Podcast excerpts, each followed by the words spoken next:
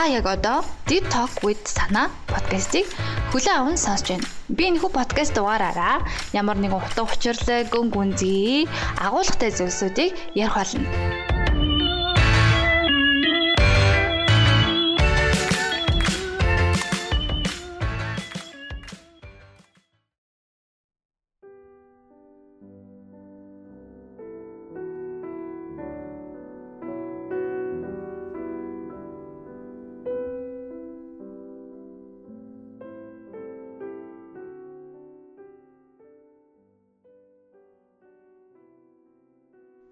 Сайн байна санаа сонсогчдоо. Ингээд Deep Talk with Sana подкастын эхний дугаар та бүхэнд хүрч байна. Эхний дугаар гэж угаасаа ингэж нэрлсэн эхний дугаар. Тэгээд а яагаад Deep Talk with Sana гэд нэрлсэн бэ гэдгээсээ эхлэе. Deep Talk with Sana гэд санаагийн подкастын нэрийг Deep Talk with Sana гэд хүрчилсэн байгаа. Тэр нь болохоор ер нь л гүн гүнзгий deep утга учир мэдрэмж гэсэн юмдаа илүү дуртай болохоор тэгээд үүнтэй холбогдлолтой а дугааруудыг ч бас хийж иржээ. Тийм болохоор цаашдаа хүмүүстэй дип яриа өрнүүлэх, гүн гүнзгий яриа өрнүүлэх тэр нь ингээд бүр амар эмо гэсэн үг бол биш шүү. Ер нь яг яванда дугаарууд хийгдээд ирэхээр аягүй сонирхолтой болох байхаа гэж бодож байна. За тэгээд энэ нэрэнд маань утгагүй дасчих байхаа санаа гэдэг нэр маань байж байгаа болохоор. За тэгээд Энэ удаагийн дугаар та бүхэндээ сонсогчдоо зориулаад бас карантины үе хүн болгон гэртээ байгаа. Зарим нь маргааш эрт босох шаардлагагүй болохоор орой нойрхгүй байгаа ч юм уу тийм бич магадгүй. За би ч гэсэн карантины үеэр нойроос хэлцэн. Тэгээд одоо яг 3 цаг болж байна. Тэгээ карантины үе ямар байгаа вэ гэхлээр одоо гэр гэрээсээ ажиллаж байгаа. Тэгээ гэр гэрээсээ сайхан ажиллая гэд байж байна. Тэгээд манай гэрийнхний унтсаа гур том өрөөндөө сайхан дебюси тавьчаал подкаст хийхээ сууж байна. За тэгээд мэдээж энэ хугацаанд бол ярилцлага хийх боломж болох юмс болсон байгаа учраас номын хэсгээс уншиж үгэй гэж бодож байна. За би Arvis Publishing-ийн шинэ publishing-аас эрхлэн гаргасан Сара Бекфел гэдэг хүний бичсэн Монтаны намтар буюу хэрхэн амьдрах вэ? Нэг асуулт 20 хариулт гэдэг номыг уншиж байгаа. За одоогоор бол талтаа хүрхгүй явж байна. За Монтеныг бол хүн болгоно сайн мэдэх баг. Ялангуяа түүний сонгомол эсэнүүд гэдэг бүтээлийг бол зохиолч аюур зангаа орчуулсан байдаг. За Монтен бол сууд сэтгэгчдийн нэг тооцогддог. А тэгтээ сууд сэтгэгч дундаа эсэг буюу найруулан бичих энэ зүйлийг бол дэлгэрүүлсэн ийм хүн байсан. За харин энэхүү Монтаны намтрыг бичих болсон хүний товч намтраас товчхон дурдвал Сара Беквел нь Лондон дахь Welcome-ийн нэрэмжит номын санд куратороор ажилладаг байхдаа өвчний содон өрмөц түүхүүд өрийн бичих хуурамчаар үйлдэгсдийн талаар бичсэн тохимол олж харснаар анх зохиол бичих санаанд төрсөн гэдгийг ингээд The Smart хэмээх анхны номоо бичсэн бөгөөд удалгууд English Dan нэртэй зохиолоор хэвлүүлэн гаргасан ажээ. 2002 оноос хойш зохиолчоор дагнан ажиллах болсон тэрээр Оксфордын Холли коллежид залуу зохиолчдод багшилдаг. 2016 онд гаргасан Жан Пол Сартер, Симон де Бувар, Альбер Камю нарын экзистенциалистуудын амьдралын түүхийг өгүүлсэн At the Existentialist Cafe мөн оны шилдэг бүтээлүүдийн нэгээр нэрлэгдсэн ажээ. За миний хувьд юм бол Монтентэй анх танилцсан маань бол ахлах бэлүү дунд ангитай байсан. Тэгээд гэртээ юу юм а баг бахта нилээ нийтэж байсан. Дунд ангитай байрны хогтуудтай их нийлж тоглолдог. Тэгээд манай байрны хогтууд ерөөсөө харилцаа ингээ бид нар ойлголцоо болоод үйд ингээ хамгийн анхны одоо одоо дээрлэлт хин цаашаа эний тий ойлголцохгүй хэцүү болонгуудаа би гэрээс ерөөсө гаргаа байлцсан. Манай 21 дугаар оролдог байсан. Тэгээд гэрээсээ гарахаа болоод гэртээ бүгдэг болоод тэгээд ихчийн номын сан хаваарл хэрэгэлдэг болсон л доо. Тэгээ манай ихч болохоор философийн багш Москвагийн Санкт Петербург хотын философийн чиглэлээр бол а суралцаж төгссөн. Тэгээ би тухайн үед философи гэж юу байдгийг мэддгүүлсэн манайч бас мэдгүй байж байгаа л мэрэгчлээ сонгож байсан. Тэгээд номон дунд нь а сонгомл хэсэнүүдээс ахгүй юу Монтени Тэгээд уншаа тэмдэглэл хөтлөөд айгүйх дурлсан юм шиг байна тухайн үедээ. Ямар гоё хичээвэ, яаж гоё ингэж боддог байна гэж тухайн үедээ бодож исэн. Тэгээд өөртөө болохоор ингээд бас блог ч аягүй сонирхолтой байдаг байсан. Тэгэл блог блог хичээл эхлээд аниргүй үлс гэдэг нэртэйгээр блог хөтлөж мөтлөөл номын тэмдэглэл хөтэлдэг байсан. Тэгээд тэгж жаад нэрээ өөрчлөмөр санагдаад тэнгүүтээ за зарай нэг гоё нэр юу гэж болох вэ гэж бодсон гутаа. Галтгоонлаг аяамагаа уучаа ширээ цэвэрлж чаддаг гинт. Монтаны сармус гэд нэр хүчээлтэй яад ингэж бодоод тэгээ монтаны сармус гэхээр амар сонирхолтой санагдах байх гэж бодсон аахгүй. Яа тэгэхээр нөө монтен ч нугаас юм агуу сэтгэгч гэдэг дэлхийд даяар мэднэ. Тэгээд юмыг дандаа өөрийнхөөрөө хин нэгний заавар зөвлөгөөрөш өөрийнхөө нүдээр өөрийнхөө мэдрэмжээр ингэж таних битсэн гисээ битсэн байсан болохоор би ч гэсэн өөрийнхөөрөө бүх зүйлийг одоо мэдрэмээр байна. Тэг тэрийг гоё бичмээр байна гэдэг хүслээр тэгээд үнэхээр гоё бичдэг болохын тулд Монтени Сармусынхан дайтай бичдэг болчихсон гэдэг байдлаар блогтой Монтени Сармус гэдэг нэр анх өгчлээ. Тэгээ одоо Монтени Сармус гэдэг блог хөтлөө явдаг. Тэгээд хэрвээ бас хайвал гарч ирж магадгүй. За тэгээд нөгөө нэг дурлаж харилж исэн Монтенийхоо намтрыг уншаад эхэлсэн чинь маш сонирхолтой дээрэс нь одоо бас хэтрүүлэх шиг сонсогдож магадгүй. Гэхдээ ингээд миний яг бодож ирэхцүүлсэн ч юм уу. Ганц хоёр юм нь Монтени яг бодож исэн юмтай таарч мараад надаа айгу гоё санагтаад гэтэр гэж. Гэтэ Монтени намтрын тухай товчхон хүүрнэхэд болвол Францын философч байсан. 1533 онд амьдарч исэн ийм хүн байжээ. За тэгээд эхлээд уншаад танилцал явсан чинь Монтен маань өөрөө 13 жил одоо улс төр хуульчаар ажиллаж исэн мэрэгчлэн гэх юм уу те сонгож болдог бол одоо мэрэгчлэн бол хууль ус төрөөр явдаг хүн байсан. А тэг ингэж явах хавцтай болохоор ер нь бол нэлийн бас гайгүй төрхтэй айлын хүү байсан юм уу да. Тэгээд үе залгамжилж авсан. Дарсны газартай байсан тийм. Гэх мэтлэнгээр ер нь бол хангалуун дэжгүй айлын хүн байж тэгээд өөрөө ч гэсэн юм одоо өв залгамжилсыг төрөнгөн ч гэсэн дэжгүй Тэгээ ер нь ингээл түүхийн явцад сууц сэтгэгчдийн одоо амьдрал нь бас нэг эдийн засгийн хон хувьд амьдрал нь дэжгүй хангагдсан. Гэтэ амьдрах шийдлээ бол өөрөө сонгосон ийм хүмүүс байх юм аа. Тэгэд Монтен ийхүү 13 жил бол бас зүр одоо хууль гэж авч авч жагаад ер нь нийгмээ харсан чинь нэлээд хатуу ширүүн байж л тээ. Цаазын алмалтай. Тэгэл хууль нь яг яг нэг талаас нь харж ихээр бас хэцүү тэр чинь хүмүүсийн амьдрал яваад байдаг ингээд гих мэтлэнгэр мань хүм хуулийнхаа ажлыг хүлээлгэж өгөөд цайдтай бүгээд ном бичих эхэлсэн байдیں۔ Одоо миний уншиж байгаа хэсэгт болохоор Монтен ер нь яагаад уншиж эхлэх болсон юм бэ? Унших биш, яагаад бичих болсон юм бэ буюу одоо сонгомжлол эсэнүүдийн одоо өөр нэр болох туршицууд туршицуудаа хинээс болоод ч юм уу эсвэл ямар амьдрал нь юу тохиолдсон болоод бичиж эхэлсэн бэ гэдэг талаар одоо хүүрнэд явж байгаа. Тэгэхээр Монтен бол 13 жил ингэж улс төр хууль гэж авч явж байгаад ажлаа хүлээл гэж өгөөд за би энэ замаар явахгүй нэ гэд гэртээ бүхэхдээ ерөнхийдөө бол нэг тийм тэтгэврт гарах маркийн ингээд амьдрсан юм байна л та. Гэтэ Сара Беквелийн өгүүлж байгаагаар болохоор ингээд хүн өдөр тутмынхаа өдөр амьдралыг одоо юм альбанаас чөлөөлөхдөө харин ч ингээд бодол санаа бүр ингээд гарч ирээд одоо дарж явж исэн зүйлс нь мэдрэгдээд ингээд хүнд хэцүү байдалд ордог юм байна. Тэгээд Монтен өөрийнхөө life crisis буюу одоо яах гэж амьдрах вэ те утга учирыг амьдралын утга учир юу юм бэ гэдэг дээр нэлийн анхаарал хандуулж ирсэн юм байна л да. Тэнгүүтээ шууд одоо бодолтой орохдохгүй тул те бодолтой ингээл орохдол амар их модал галзахгүй тул бичиж эхэлсэн байна л да. За ингээд бичиж эхэлжээ. Бичиж эхлэхдээ ингээл амьдралын утга учир буюу хэрхэн амьдрах вэ гэдэг асуултыг тавиад за тэр дундаа бол за энэ асуултанд бол шууд ийм тийм гэж хариулах аргагүй. А тэр дундаа л өөрийнхөө амьдрал буюу өөрийгөө судлаа гэдэг шийдвэрт хүрсэн байна. Тэгээд түүний хамгийн ихний хариулт нь бол үхэхээс бүүвэ. Тэгээ өөрөө бас ингээл үхэх бас чахж исэн.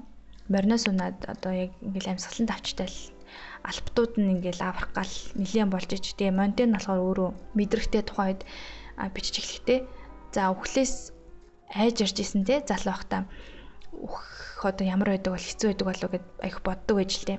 Тэгээд яг үххийнхаа гэх юм уу яг үхэх шахсныхаа үедээ бол амьдрал өөрөө үхлийг заагаад өчт юм байна гэдгийг мэдрэмжийг авсан гэж байгаа. Тийм болохоор үхлээс айх хэрэггүй харин амьдрах хэрэгтэй.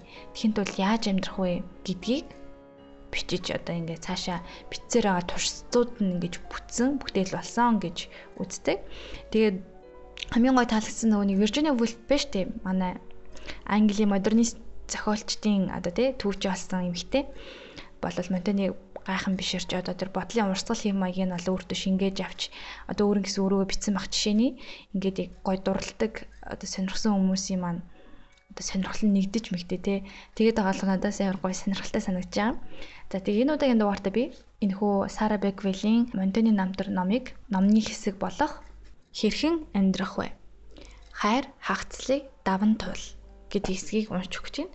А тэгээ дээрэс нь дахиад тавтай хэлэхэд энэхүү ном нь бол Aris Publishing-аас эрхлэн гаргасан одоо хэн тохиолдуулсан юм маань л зохиолч аюур цан орчуулсан Тактагийн Тарковскийн өдрийн тэмдэглэлүүд номын орчуулагч Намин Бэлэг гэж хүн байгаа.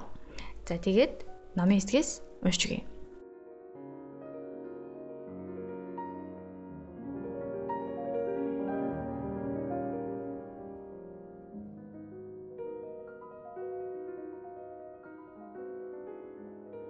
Хайр хагцлыг даван тул. Лабойси хайр ба дарангуул. Этюен де Лабойстэй уулзахдаа Монтен 20-с 30 насны загт байлаа. Айл ал нь Бордогийн парламентэд аль башдаг хин хинийхээ талаар чамгүй ихийг дуулсан байжээ. Лабойси Монтеныг илэн далангуу хэрсүү хүүхэд гэж харин Монтен Лабойсиг сайн дураар боолчлогдохгүй хэмээх хүмүүсийн анхаарлыг ихэд татсан бүтээлээр нь мэдэх болсон болов. Тэрхүү бүтээлийн Монте 1550-ад оны сүүлчээр анх уншжээ. Зохиолчдын учруулсан учраас энэ номыг олж уншсандаа талархдаг хэмээсэн нь би. Эндээс гайхалтай нөхөрлөл төржээ. Үнэхээр төгс төгөлдөр ийм нөхөрлийн тухай та юу н олж дуулах болов? Асар олон зүйл нөхцөлдөж байж би болох ийм нөхөрлөл 300-д ганц тохиовол их юм. Айл аль нь танилцсан гэж бодсон атлаа яагаад ч юм уулзалгүй уджээ. Тэгж тэгж санамсаргүй тохиолоор нэгэн баярын зогт зэрэг урагдан сая учрав. Шууд л яриа нийлж эртнээс бие бие мэдэж ээнэгшин дассан улс шиг хизээч холдомгүй санагцсан аж. Тэр мөчөөс Мишель Этюан хоёр сашгүй андууд болжээ. Найз хоёр 6хан жил нөхөрлсөн. Түүнээс 3-ны нэгийг нь элдв тамилтаар өөр хотуудад өнгөрөөсөн. Гэлээч энэ богинохон хугацаа тэдний хувьд насан туршийн мэт дааттай байлаа.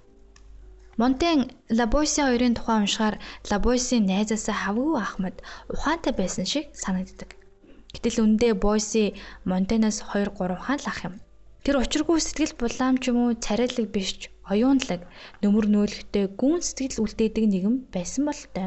Монтентэй танилцахдаа тэр гэр бүлтэй парламентэд илүү дээгүүр албан тушаалтай байлаа. Хамтран ажиллагсан түүний төрийн албан тушаалнаас гадна зохиолч гэдгээр нь мэдэх бол Монтен тэр үед хуулийн судалгаа, хэрэглээний тайлбараас өөр юм бичиж үзээгүй байлаа. Лабойси онлын анхаарал хүндлэлийг хүлээсэн хүн байв. 1560-ад онд түүний мэдих хүмүүст идүгэ Бойсыг дэлхийн нийт гагц Монтений найз гэдгээр нь л мэддэг гэж хэлбэл огтхонч итгэхгүйз. Бойси багтаа унжирсан болоод тийм томооцсон байж мэднэ. Тэр Монтаны эдлэнгээс 75 бэрийн зэд байдаг Сарла хэмээх жижигтэр хотод 11-р сард мэндэлжээ. Шав хоройтой чамин гоёмсог байшин нь одоо ч бий. Тэр байшин Этюний аав түүний төрхөөс 5 жилийн өмнө бариулсан аж. 10 настайд нөгөөд болсон аав нь Пьер де Монтаны адил хүүгийнхээ хүмүүжил нэн идэвхтэй оролцдог байлаа. Удалгүй их нь мөнх бусыг үзүүлж Лабойси ойр ганцаар үлджээ. Өөртөө найдал нэртэй авгаах нь түүнийг үрчлэн авч тухайн үед жишг болоод байсан гуманист боловсрал олгосон аж. Гуманист гэдэг нь хүмүүнлэг гэсэн. А гэхдээ Монтаниг бодвол харьцангуй уламжлалт арга барилаар хүмүүжүүлжээ. Өмнөх бүлэгт нь Монтаны одоо яаж хүмүүжүүлсэн аав нь одоо хүмүүжлийн арга барил нь юу ашиглаж исэн гэдгийг бол өгүүлдэг байгаа. Лабойси Монтаны адил хуульч мэрэгжил эзэмшжээ. Ойролцоогоор 1554 онд Лабойси хоёр давар хүүхэдтэй Маргарит де Карлог эхнэрээ болгов. Мөн оны 5 дугаар сард Монтениг Перигод ажиллаж эхлэхээс 2 жилийн өмнө Лабойси Бордогийн парламентэд аль башх болжээ. Түүний Бордогийн парламент дахь карьер тун амжилттай байлаа. 1563 оны хачийн явдлыг тооцвол тэр бусдын ихтгэл алтгаар зүйлтэй нэр холбогдож явсангүй. Түүнд итгэж нууцын зэрэгэлтэй ажил даалгадаг, хилцэр хийлэхээр томилдог байлаа. Энэ ажилд хожим Монтен томилогдохч тэр үед Бойсыг илүү ихтгэл даах үс гэж үзэж байсан бололтой. Бойси буур сууртай илүү хариуцлагатай хөдөлмөрч тул тохирч байлаа. Найз хоёр авир төрхөөрөө ондооч бүх талаараа нийцэж тохирчээ. Хоёул гярхай, уран зохиол, философи дуртай, хүүхэд байхасаа уншиж биширч өссөн эртний зохиолч Дайны Баатруудтайгаа адил бүрэн дүүрэн амьдрах хүсэл эрмэлзэлтэй хүмүүс байлаа. Эдгээр чанар нь тэднийг нэгтгэхийн сацуу, уйтгартай арга барилаар хүмүүжсэн бусад хүүхдүүдээс тэднийг онцгойруулсан юм. Эдгөө оллын мэдих Лабойси бол найзхаа араас гашуудад санагалдсан Монтени 1570-аас 80 оны дурсамжийн тусгал билээ. Дурсамжийн ман дундаас жинхэнэ Лабойсыг тод томруунаар харахад амаргүй. Харин Лабойсын дурсамж дахь Монтен бол хавьгүй бодит юм. Тэр сонетто Монтеныг сайжрахын төлөө хичээх ёстой гэж боддгоо илэрхийлсэн байдаг. Түүний санаатад Монтен хувиршгүй дурсамжид мөнхөрсөн дүр биш. Хувирч өөрчлөгддөг амьд төрхөөрөө буужээ. Уншсны эцэст алдаа дутагдaltaй энэ хүн хамаг ирч хүчээ цэнгэн наадах, хүүхнүүдтэй сэтгнэхэд зориулсаар ах юм бол ирээдүйд дөрвтэй үр дүнд хүрч чадах болоо да гэж бодогдно. Лабойси Монтены тухай өгүүлсэн аав ахыг санагдууламж шүлэгт нь гэр бүлтэй ирчүүлэх гэхээргүй үгс бас бий. Тухайлбал Монтен Чи бид хов ерөөл хайрлах сэтгэлийг өдөөн дуудагч зөв үүлийн үрээр учирсан хоёр билээ гэжээ. Монтаны туршицуудаа бичсэн ч мөн л төстэй. Нөхөрлөл нь түүний жолоог алдуулж өөрийгөө умартан түүнд уусан шингэд хүргсэн бол Бойсе мөн хайрандаа бууж өгөөд Монтаны төлөө өөрийгөө умарцаан гин. Энэ мэтийн бичиглэл түгээмэл байжээ. Сэрэг мандлын үеийн ирчүүд жинхэнэ ижил хүйснээс тахал үдсэн мэт зайлдаг атлаа бие биерүүгээ сэтгэл алдарсан өсвөр насны хүүхдүүд мэт загтал бичдэг байлаа. Тэр нь бие бие гэсэн сэтгэл гэхээс илүү эртний грек ромын уран зохиолоос олж унссан төгс нөхөрлөлийг хайсан шохорхол болов. Сурвалжит гэр бүлээс гаралтай залуус энжлэн нөхөрлөх нь философийн дээд илэрхийлэл байлаа цугтаа хичээлнэ, бие биенийхээ аж амьдралын гэрч болно, амьдрах урлагт хамтдаа харилцан суралцсан. Бойси Монтен хоёр уулаасаа юм нөхөрлөлийг шохоорхон эрэлхийлж яваад л бие биеэ олсон болов. Хамтдаа өнгөрүүлсэн хугацаа нь ахархан тул сэтгэл гонсоож амжсангүй. Сониоттой Бойси нэр нь Монтентэй мөнхөд нэгэн мөрт бичигдээсээ хэмээн өрөөсөн биелэлээ олж бусад цууд найзуудын адилаар үүр цэцэг дурсагдах болсон юм. Тэд нөхөрлөлөө эртний нэгэн жишгт нийцүүлж үздэг байсан бололтой. Тэр нь философч Сократ түүний царайлаг дөөмөд найз Алкивиад нар юм. Бойсе сонеттой Монтеныг Алкивиадтай илт зүүрлсэн байдаг. Монтен харин Лабойсын ухаантай, царай муутай зэрэг Сократтай төстэй шин чанаруудад дурлана. Төрх байдал дур гутам химэн үеийн үе тодорхойлогдож ирсэн Сократтай адилхан Лабойсыг үзэмжгүй муухай төрхтэй гоо сайхан хүн гэж байлаа. Энэ нь Алкивиадын Платоны симпозиумд хэлсэн зөвлөлтэй төстэй. Алкивиад Сократик тэр үед хүмүүс гоёл чимэглэл үнэт зүйлсээ хадгалагтай ашигладаг байсан хайрцаг дээр сийлсэн альбан савдаг Селених шиг төрхтэй гэсэн юм. Тэр хайрцагнууд гаднаа зүс царай биехээ авах юмгүй хүн амьдтын эвгүй дүрсээр дүүрэн атлаа дотроо үнэт эрдэнэ хадгалж байдагтай Сократын хэв байдал агаар нэг санджээ. Тэдний дүр Монтен Лабойсыг таалагддаг. Тиймдээ ч дүрд нь орж зугаацдаг байсан бололтой. Лавл Монтен ихэд таашаадаг байсан мэт. Лабойси дургуйцлээж энэ мэтийг тоохооргүй журамт хүний хувьд түүнийг харуулахгүй лээ. Платоны бичснэр цараймууд Сократ үзэгсэлэнд Алкивиадын элдв орлогоос дүлдөгч харилцаа нь яхаарахгүй сэтгнэл янагийн шинжтэй байжээ.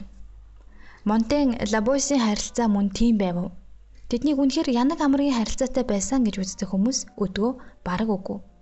Гэхдээ л Лапойсын сониот гэлтгүү Монтены нөхөрлийнхөө тухай өгүүлсэн хэсгүүдэд хэрэгэлсэн үсч юр бусын сэтгэл төрүүлэхэр байдаг. Монтен нөхөрлөө тэднийг хүлгүү далаж ивүүлсэн хүчит давлгаа тайлагдашгүй нууц хэмээсэн билээ. Лабойсын тухай ярих болоход альва зүйлд аль нэг талд хэд туйлширхаас бусдын иршээлд орохоос зайлсхийдэг нь мартагдчихдаг байлаа. Тэр бид сүнсээрээ бүрэн сүлэлд нь нэгдэж ямар ч зүудлгүй хизээд салахгүйгээр нэгт холбогдсон гэсэн юм. Сэтгэлээ илэрхийлэхэд түүнд үг хангалтгүй байлаа.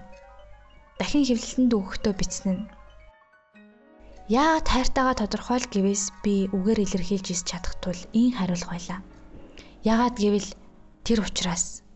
Яагаад гэвэл би учраас хайртай. Сэргэн мандлын үед Сократын цаг үетэй адилаар нөхөрлөлд саруул ухаанаар хандах ёстой гэж үздэг байлаа. Ингэж үзвэл нөхөрлөх гэдэг гүн ухаанаас үүдэлтэй болж таарна. Гэтэл Монтенийн үгээр илэрхийллийн аргагүй хайрын тухай дүрслэл лавл нөхөрлийн тухайн тодорхойлолтод нийцэхгүй. Үүнийг ч өөрөө хүлээн зөвшөөрч бидний нөхөрлөл онцгойд бол бусадтай харьцуулах боломжгүй гэсэн юм. Өөр жишээтэй харьцуулъя гэвэл буцаад л симпозиумыг унших хэрэгтэй болно. Тэнд бичснээр Алкивиад Сократыг юу сэтгэл татан болгодгийг хэлж мэдэхгүй дээ. Надад түүнийг алга болоод өгөөсэй гэж бодохгүй бишгүй тохиодог. Гэвч үнэхээр түүнийг үгүй болчвол би баярлахын оронд харуулсан шанална гэдгээ мэдгүүлээ. Ер нь би түүний өмнө бүрэн хүч үйддэг гэжээ. Лабойсын сонатаас Монтаны дээр өгүүлсэн шиг гайхаш алдарсан байдал харагддгүй. Угаас ч Монтан шиг гашуудан сэтгэл хөдлөлт автаагүй байхдаа бичсэн мэлээ. Хүнд ухаанаа алдтал татагдах тухай Бойси өгүүлсэн би. Гэхдээ сониодтой Хүүхнүүдэд илгээдэг байсан өнгөцгөн хайрын захлуудаа бус харин залуудаа бичсэн улс төрийн тухай өгүүлэлдээ хүндсэн юм. Монтен ах түүний тухай дуулах үед бордочуудын гар дамжуулан уншиж асан өнөөх өгүүлэл шүү дээ. Лабойси сайн дураар боолчлох тухайга нилээд залуудаа бичжээ. Монтоны бичснэр бол 16 таа хичээлийн даалгавартаа мянга мянган номонд хөндөгдсөн нийтлэг сэдвээр өгүүлэг бичсэн тэр гин. Монтен Лабойсын ажил амьдрал төв болох зүйл хийхгүй Эсвэл олонний анхаарлын төвд орсон тэр бүтээлийг дурдж өөртөө төг удахгүй гэсэндэ зориуд онцож холбогдолтой бүтээл биш мэдээр тийм тодорхойлсон байж мэдх юм. Монтоны хэлсэн шиг залуудаа бичээгүй ч байлаа. Оюуны бит чадварыг нь илтгэж чадсан бүтээл мөнөөс мөн билээ. Тиймээс нэгэн зохиолч Бойсыг улс төр нийгэм судлалын Рембо химээсэн. Сайн дураар боочлогдох нь ард түмний дэмжлэгийг алдвал хормын зурд хинч биш болгоатлаа онц хүч зарцуулахгүйгээр тэднийг дарлах дэглэм тогтоом барьсаар ирсэн үе үеийн дарангуулагчдын тухай юм. Олон нийт боол мэцэгтгэж дагахаа болоод дарангуулагчийг өөгшүүлэн зусарчилж бэлдуучлахаа л болчих юм бол хувьсгал хийх шаардлагагүйгээр мултарч дөнгөнө. Гэтэл тэгж чадсан нь маш цөөн. Эсвэргээрээ арт иргэдэд аимшигтай харилцдаг удирдгчийг хүртэл дагсаар байдаг. Арт иргэдэд хэдий үлсгэж зовоон төдий хайрлагдаачих шиг. Ромчууд дарлуулж дарлуулчаад Нерог үхэхэд нь гашуудсан шүү дээ. Юли Цезарыг үхэхэд мөн ч ялгаагүй. Лабойси Монтенч гэсэн олны бишрэн шүтдэг Цезар дургүй байлаа. Хууль цаа зэрэгчлөөг уландаа гიშгсэн эзэн хаан юу ч үнэлж нандиндаг хүн шиг түүнд санагддаг Цезар ард олны хязгааргүй хайр хүндэтгэлийг хүлээсэн байх жишээтэй. Дарангуулагчдын ойрхол гэдэг хайраас дутуугүй учир битүүлэг үзэгдэл санаж. Лабойси дарангуулагчдыг ард ирээдээ ховцдог гэжээ. Өөрөөр хэлбэл хүмүүс сохортлоо дурлаж өөрийгөө умартанд түүнд уусан шингэдэг байна. Сая сая хүмүүс хүзүүгээ нарийнхан гинжинд дөнгөлүүлчихэд нэрийг нь сонсох төдөд бишрэн ховстуулаад ганц тэр хүний зүрх хүчнээс дагдан чичирч өөрсдөд нь хүн шиг харьцдаггүй араатныг хайрлан байгааг харах аимшигтай. Даанч тэд зүүднээсээ сэрж чадахгүй. Лабойси дарангууллыг шулмын хорлол гэжээ. Хитгэн хүнд хамаатай байсан бол хин нэгэн галд шатаагдаж дуусах байсан биз. Гэтэл бүхэл бүтэн нийгэм хорлогдох үед хинч юу ч хараагүй мэт өнгөрөх ажээ. Улс төрийн эрх мэдлийн тухай Лабойсын дүгнэлт Монтаны Лабойсыг их битүүлэг мэдрэмжтэй төстэй гэмээр. Яагаад гэвэл тэр учраас. Яагаад гэвэл би учраас. Саяхны дарангуулагчдын жишээг харахад ч тэдэнд сэтгэл татагдах нь ид шид ч юм уу дурлуулагч шумдааны нөлөөлөл мэд. Нэгэн сэтгүүлч Угандагийн дарангуулагч Иди Амины ойрын хүрээллийн хүнээс удирдагчдаа яагаад тийм үнэн ч халуун дотн ханддгийг асуухад өгсөн хариулт нь Лабойсын тухай Монтени, Сократын тухай Алкивиадын хэлсэнтэй дүүн. Сэрүүл байсан. Хайр шүү дээ. Хайр гэж юм. Нэг нүдгүй болсон эмэгтэйг хайрлаж буй эртээ таарад яагаад энэ үзэшгүй муухай эмэгтэйтэй байгаа юм бэ гэвэл юу хвал Яагаад гэдгийг нь тэр хоёр л мэдрэн шүү дээ. Би түүнийг хайрлсан учраас тэр намайг хайрлсан учраас. Дарангуулын үед эзэрхийлэгч эсрэг талаа номготхон авах нь Монтены тэмдэглэлд олонтоо тохиодог ширүүн тулаануудыг санагдуулна. Ард түмэн өөртөө дуртайя түүнд даатгах тул тэдний гих бүхнийг авахд дарангуулагчид саад болох зүйл үгүй. Дайн тулаан болоход бүр амийг нь авч орхино. Ирхчлөг ортоос умартаж орхидог нь угаас хүний мөн чанар болов. Дээдсээсээ доодос хүртэл хүн бүр сайн дураар боочлогдохдоо дуртай Түүндээж дасаж орхиод өөрийн үзэлгүй насыг бардаг. Угтаа нүдэ нэгээд түүн зүтгэхээ болчиход л болчих хэрэг билээ. Лабойсын биснэр тэрхүү хосноос сэрч чадсан хүмүүсийн хийх нь түүх судснаар л нүд нь нэг зааж. Өмнөх дарангуулагчдын түүхээс өөрийн нийгмийн дүр зургийг олж харсан нь тэдний нүдийг нээжээ. Тэд энэ миний хувь тохиол хэмээн эвлэрхийн оронд орчноосоо гарч альвааг өөр өнцгөөс харахад суралцдаг. Монтен туршицуудаа яг л энэ арга барилаар бодож бичсэн билээ даанч им эрхчлөөд хүмүүс дэндүү цөөддөг. Тэд хүчээ нэгтгэхгүй тус тусын ертөнцид ганц ганцаар оршино. Монтен сайн дураар боолчлогдохыг уншаад яагаад зохиогчтой танилцахыг тэгтлээ хүснэ нь ойлгомжтой. Тэнд бичигдсэн үзэл санаатай санал нэг байсан ч бай, өгөөч бай. Тэрхүү зармаг бүтээл оюун санааг нь цочроож чадсан гарцаагүй юм. Өөрийнх нь туршицуудад зонхлох сэдв болсон дадал зуршлын тухай эргцүүл хийгээд судар бичиг түүхэн хүмүүсийн намтар уншиж судалсан хүн эрхчлөөг нь хязгаарласан хүлээснээс ангижир чадна гэх санаа нь түүнд ойр буусан байж таарна. Үүний зэрэгцээ юунаас ч эмээгээгүй зоримог эргцүүлэл ямар ч саадад торхгүй сэтгэгч чадвараараа сэтгэлд нь нийцсэн биз. Лабойси өгүүллээ цөөн хүнд чимээгүйхэн тараасны үзвэл хүн ардыг хувьсгалд урайлан дуудах санаалав байгаагүй бололтой. Магад хизээч нийтлэхгүй байсан биз. Нийтлэлээч эрх баригч цөөнхөд илүү хариуцлагатай засаглахыг ухуулах зорилго өвөрлөнө гэхээс яавч доод давхаргийнхны төр эргүүлэх бослого тэмцэл турших санаагүй байлаа. Тэр илүү насалсан бол зохиолыг нь юу болгож хуурсныг нь хараад жигших байсан биз. Нас барснаас нь 10 гаруйхан жилийн дараа сайн дураар боочлогдох нь илүү хүчтэй сэтгэл төрүүлэх үйс. Нэгin эсрэг нэрээр протестантизмын тунхаг Францын хааны эсрэг босох урайлга болоод гарч иржээ.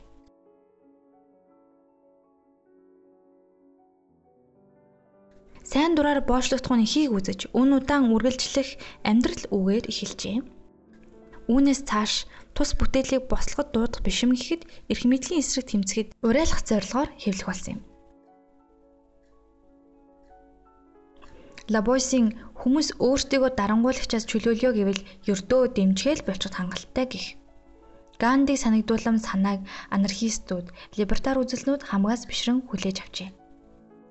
Саяхны нэг хэвлийн өмтгөлд Лабойсыг байж бол хамгийн үнэн хувьсгал Өөрөөр хэлбэл нууцхан даруухан нэг хүний хувьсгалыг хийх урам хайрлсан эрхэм гэсэн буй.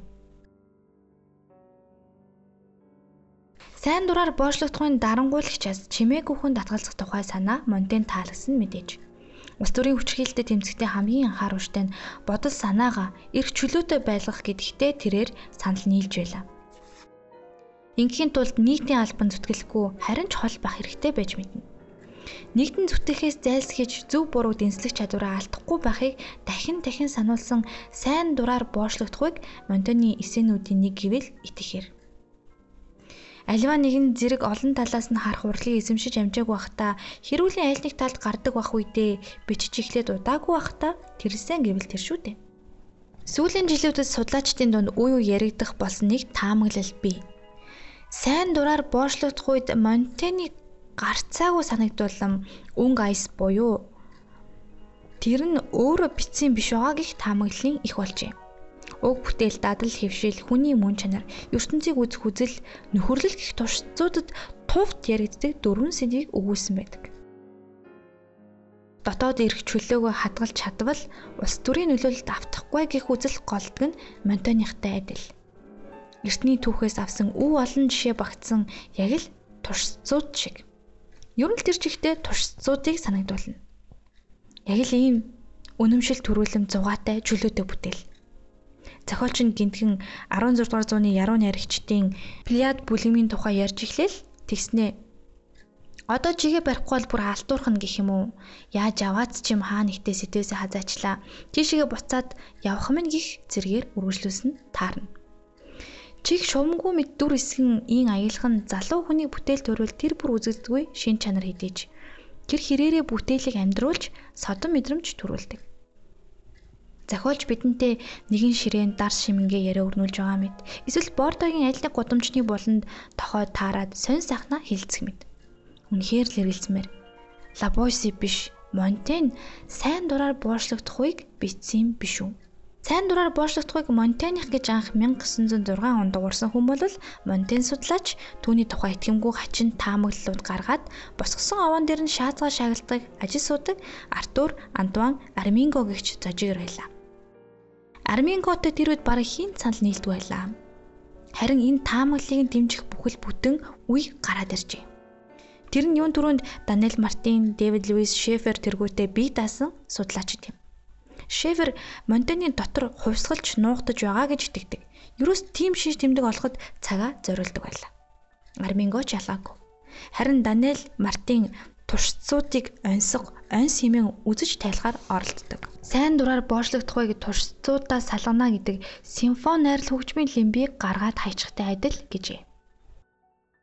Хэрвээ Лабойси сайн дураар боочлогдохыг бичээгүй гэвэл тэр Монтены туршицуудаа дүрслэн гаргасан эр ерөөс биш болчихно. Амьдарч байсан үнэн гэвч дурсагдах тодорхой зүйлгүй Мондоны хурц ухааны хугаралт үдий. Тэр онцгой авяас чадваргүй сайн дураар боочлогдохыг бичгээр сод хүн биш байсан юм бол Монтен юунд нь тэгтлээ татагдсан болж таарах вэ? Тэгтэл үлэмж хүчтэй мэдрэмж төрүүлэх ямар нэг зүйл байсан л гэж таарна. Өөрөө бол хайрлах шалтгаан Лабойсын сайхан төрөх биш гэсэн худлаа тэгж бичээг бол шүү дээ.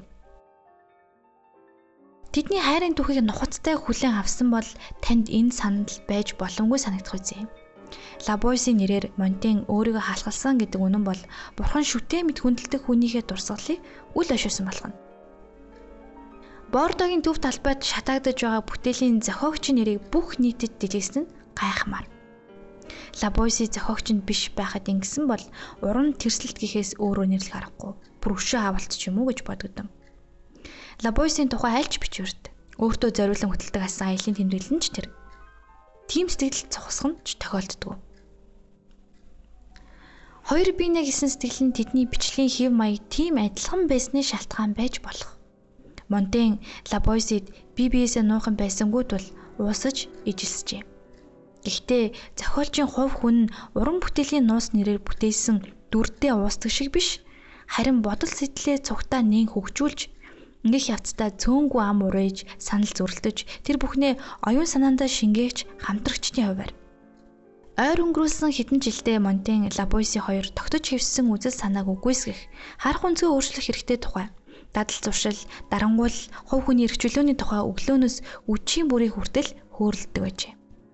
Эхэндээ Монтеныхоос илүү тод цэгцтэй байсан Бойсийн бодол санаа хэсэг хугацааны дараа дийлдэж Монтены ёс заншил үзэл санааны тухай эргэцүүлэлд хөтлөгдөөд санаанд нь мад хизээж орохгүй газрууд руу хэрн тэнсэн баг. Гэр бүхэн туршицуудад тусгалаа олж Бойсийн дурсгал болж үлдсэн билээ. Тэдний бодол санаа ингэтлээ нэгт сүлэлцсэн учраас ертөнцийн хамгийн шилдэг шинжээж байгаад ч ялган салгах аргагүй болжээ. Ийхүү хамтдаа орчин цагийн Афинда 10 11 илэн үүнээс өндөр амжилтанд хүрч олон танигдахад юу саад болно гэж Даанч залуу Сократ бодит байдалтай буухаас аргагүй боллоо.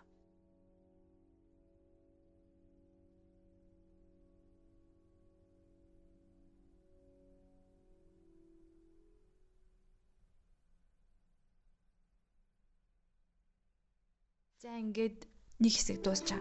Дараагийн хэсэг нь Лабойси үхэл харуулсал гэд эхэлдэг. За дараагийн хэсэгт нь болохоор юу гарч эхэлж байгаа вэ гэхээр Лабойси тухайн үед дэгдэжсэн халдвар төвчнөр өвчлөөд нас орсон. Гэхдээ Монтены хувьд бол одоо маш хайрлсан хүн буюу зүгээр янаг амаргаас хитэрсэн бүр ингээд оршихуйг нь хайрлан гэдэг шиг бодол санаа бүх одоо тэр юм хайрлсан учраас Лабойсын найзаагаа насрахад мэдээж маш гашуудсан насрахтай хамт байсан байдаг. Тэгээд насрсныхан дараа нь хүн хөтлөө маш ганцаарсан. За тэгээд аа түүнийхээ тухай мэдрэмжүүдийг бол одоо мэдрэмжүүдийн хэсгээсээ бол бичигдсэн байдаг. Тэгээд энэхүү номын хувьд гэх юм бол өөрийнхөө сэтгэлийг хэлэхэд эхлээд тухайн энэ дурдсан бүлэг бол яг жинхэнэ нөхөрлөл за жинхэнэ худлыг мэдэхгүй те. Гэхдээ ингээ хувь хүмүүсийн яг Сара Баквелийн хэлдгээр одоо 100-д нэг тохиолдох те баг 300 нэг тохиолдох нөхөрлөл буюу одоо яг нэг том хүсэлтэй тий Монтын том хүсэлтэй зү ингээд бүр улс төрийг өөрчлөх хүсдэг. Тий ганц ширхэг хүн маш гайхалтай сэтгэдэг. Гэснээр Лабойси гэдэг бас юм гайхалтай сэтгэдэг. Сайн дураар боочлогдох уу гэд бүр ингээд тухайн нийгмийн шүмжилсэн бүтээлийг төрөвцөн хүнтэй оюун санаа гараа холбогдоод нөхөрлсөн. Юм агуу нөхөрлийн тухай бол гарч байна. За тэгээд Сара Бэквеллийн хувьд юм бол ер нь намтар гэдэг зүйлийг гоё бичсэн юм шиг надад санагдсан. Одоо жишээ нь за дуртахад гэхэд одоо Монголд бол алдартай болсон хүмүүсийн намтрыг бичсэн номууд бол байдаг л да. Одоо дуучин сарын зуя гэдэг ч юм уу те. Аа тэгэнгүүт ерөөсөө зүгээр л тухайн хүний үг хэллэг дурсамжийг нь л хуулж чичээд баг voice over-ыг ингээл бичээл гаргасан юм шиг юм намтрууд явж идэг.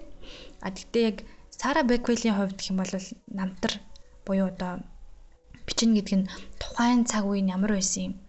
Монтен өөрөө ямар онцлог шинжтэй хүн байсан. Одоо энэ бүтээлээ төрөвж явахдаа юу туулж исэн сэтгэлцэн хувьд те юу хэрхэн нөлөөлсөн гэдэг зэрэгээс нь бүр ингээ гоё энэ тэндээс нь олон талаас нь харж утсан ийм бүтээл байсан. Бүтээл болжээ.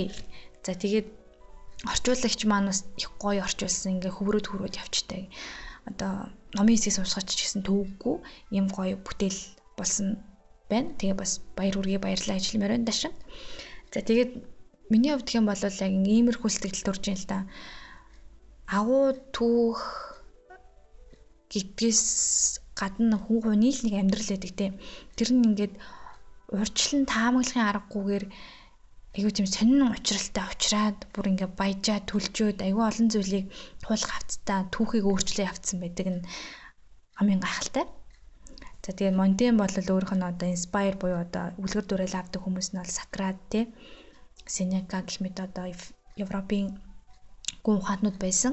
А тэгтээ түүхчид үзэхдээ бол Монтеныг тэр олон Европын сэтгэгчдээс юугаар ялгаатай вэ гэдг нь түүний уян хатан байдал гэж үзсэн байдаг.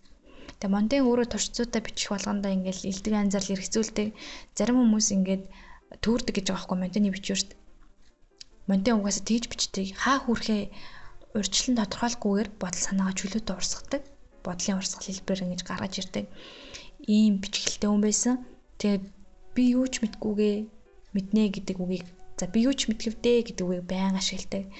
Буюу альва юм ийм тийм байх хэвээр гэдэг дүрм журмаар биш. Одоо амьдралыг таньж байгаа нэг оршихуун хуваар гэх юм уу? гэж одоо боддож эргцүүлдэг, тэгж бичдэг одоо ийм хүн байсан гэдэг. За тэгээд миний хувьд одоо Монтениг уншаад турж байгаа зүйл нь бол бичих үйлдэл айгу ихтгэлтэй болж ирж байгаа. Яг тэгэхээр нөгөө блог чинь гэхлээр одоо заавал нэг хүнд хэрэгтэй бичих үүрэг хариуцлагатай юм шигтэй. Ингээл нэг тийм тулгалт гэх юм уу тийм өөрт үүсгэжсэн аахгүй? Тэгээд заримдаа ингээ өөртөө төрж байгаа дэр одоо мэдрэмжээрээ ингээд бичих хичээдэг гэх юм уу. Надад бол ингээ бичих одоо бүр ингээд агаар ус шиг болцсон. Одоо подкаст хийдэг шигээ. Гэтэ подкастыг бол ажлын хажуугаар хийхэд бол сард 2 сард нэг гаргаад байгаа штэ. Харин Монтаны сармус гэдэг блог дээрээ бичихд бол би 7 хоног заавал нэг бичвэр бичдэг болсон. Тэг ингээд мэдэрч байгаа зүйлээ даван туулах ч юм уу ингээд хэрэгцүүлэх ямар нэгэн сэтэл санаа орж ирэнгүүт бичих аяг хүсэлттэй болдог болсон. Тэгээ заримдаа хит ховын юм бичээд байгаа юм шиг. Одоо зарим блогер хүмүүс хэлдэг шүү дээ. Өөрөг нүцгэлээд байгаа юм шиг амар эвгүй мэдрэмж төрдөг. Миний мэдрэмж хүмүүс мэдж байгаа их надад эвгүй байдаг гэх мэт. А тэгэнгүүт Монтен болохоор ийм цаг хугацааны хувьд бол цаг хугацааг сайн мэдэрдэг байсан. Философч нэг голын усанд хоёр орж болдгоо гэдэг үг шиг ингээ хорон мөч болгонд юм шинжлэж идэг, хорон мөч болгонд болоод өнгөрч идэг. Тийм болохоор энэ битсэн зүйлээсээ бас ингэж хамааралтай байх байдаггүй. Би тэгээ битсэн штэ би тэгэхээр тийм хүн баха гэдэг юм ерөөсөө мотент байгаагүй. Тэр нь их гайхалтай. Тэгээд яг ингээд ярангууд надад нэг юм санаанд орсон. А contemporary уран бүтээлч ганц үг гэд уран бүтээлч байдаг. Та бүхэн бас үйл хөдлөлийн урлагийн одоо бүтээлүүдийг харж исэн бол сайн мэдэх бах. Ялангуяа уран бүтээлч хүмүүс сайн таньдаг юм хүн байдаг. Тэгээ тэр хүнтэй хамт алхаад тийм яриаг сонсох боломж олдож исэн. Тэр үед ганцэг бах юу гэж ярьж исэн бэ гэхээр хийсэн үйлээсээ гарч орж сурах хэрэгтэй гэж ярьж исэн.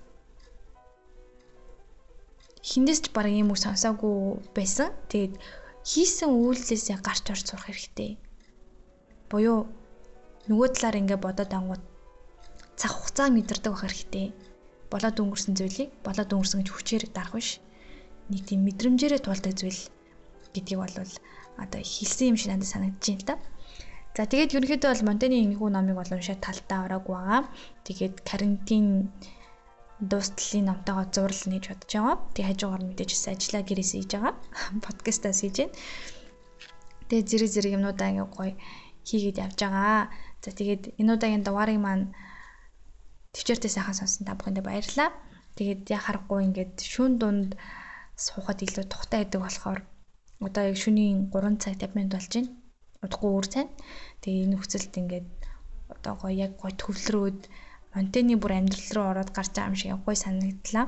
Өөр унших хавцтай. Тэгээд хэрвээ Нэхүү номыг бас сонирхож байвал Aris Publishing-ийн эрхлэн гаргасан ном байгаа шүү. Монтений намтар хэрхэн амьдрах вэ? Нэг асуулт 20 хариулт. Хэрхэн амьдрах вэ гэдэг асуултанд 20 хариултаар бичсэн. Энэ зөвхөн баг 20 хариултандаа тохируулж бичээгүй. Монтений туулсан амьдрал бүхлээрээ бичигдсэн гэх юм уу? Туршицуудын тухай, туршицуудаа бичгээд одоо цаг үеийн ямар байсан тухай Монтен юу мэдэрч исэн, юу илэрхийлж тэмдэглэж үлдсэн гэдэг талаар Сара Беквел гэдэг хүний одоо бичсэн юм ном байна. За тэгээд а миний хувьд их гоё бэлгшээлтэй гоё э, санагдсан. Угаасаа ингээд дахлах ангиасаа Монтен дуртай байсан. Тэгээд Монтений маань намтар орчуулагдаад гарцсан гэдэг бол баярлаа. Тэгээд орчуулагчийн хувьд ч гэсэн цаг хугацааны хувьд нүр их бүтээл. Тэгээд орчуулагч номын бэлгтэй бас их баярлаа. Aris Publishing баярлаа. Ингээд энэхүү дугаарыг нь хүлээн аван сонсно. Сонсогчдоо бас баярлаа. Ингээд карантины үеийг гол нь ариун цэврээ сайн сахиад бүгдээрээ сахидаг л та. Гэхдээ ингээд илүү одоо болгоомжтой, хяналттай Бүхэм сайн сайхан болно гэдэгт итгэлтэй өдрүүдийг өнгөрүүлээрэ. Тэгээд дараагийн дугаар хүртэл түр баяртай.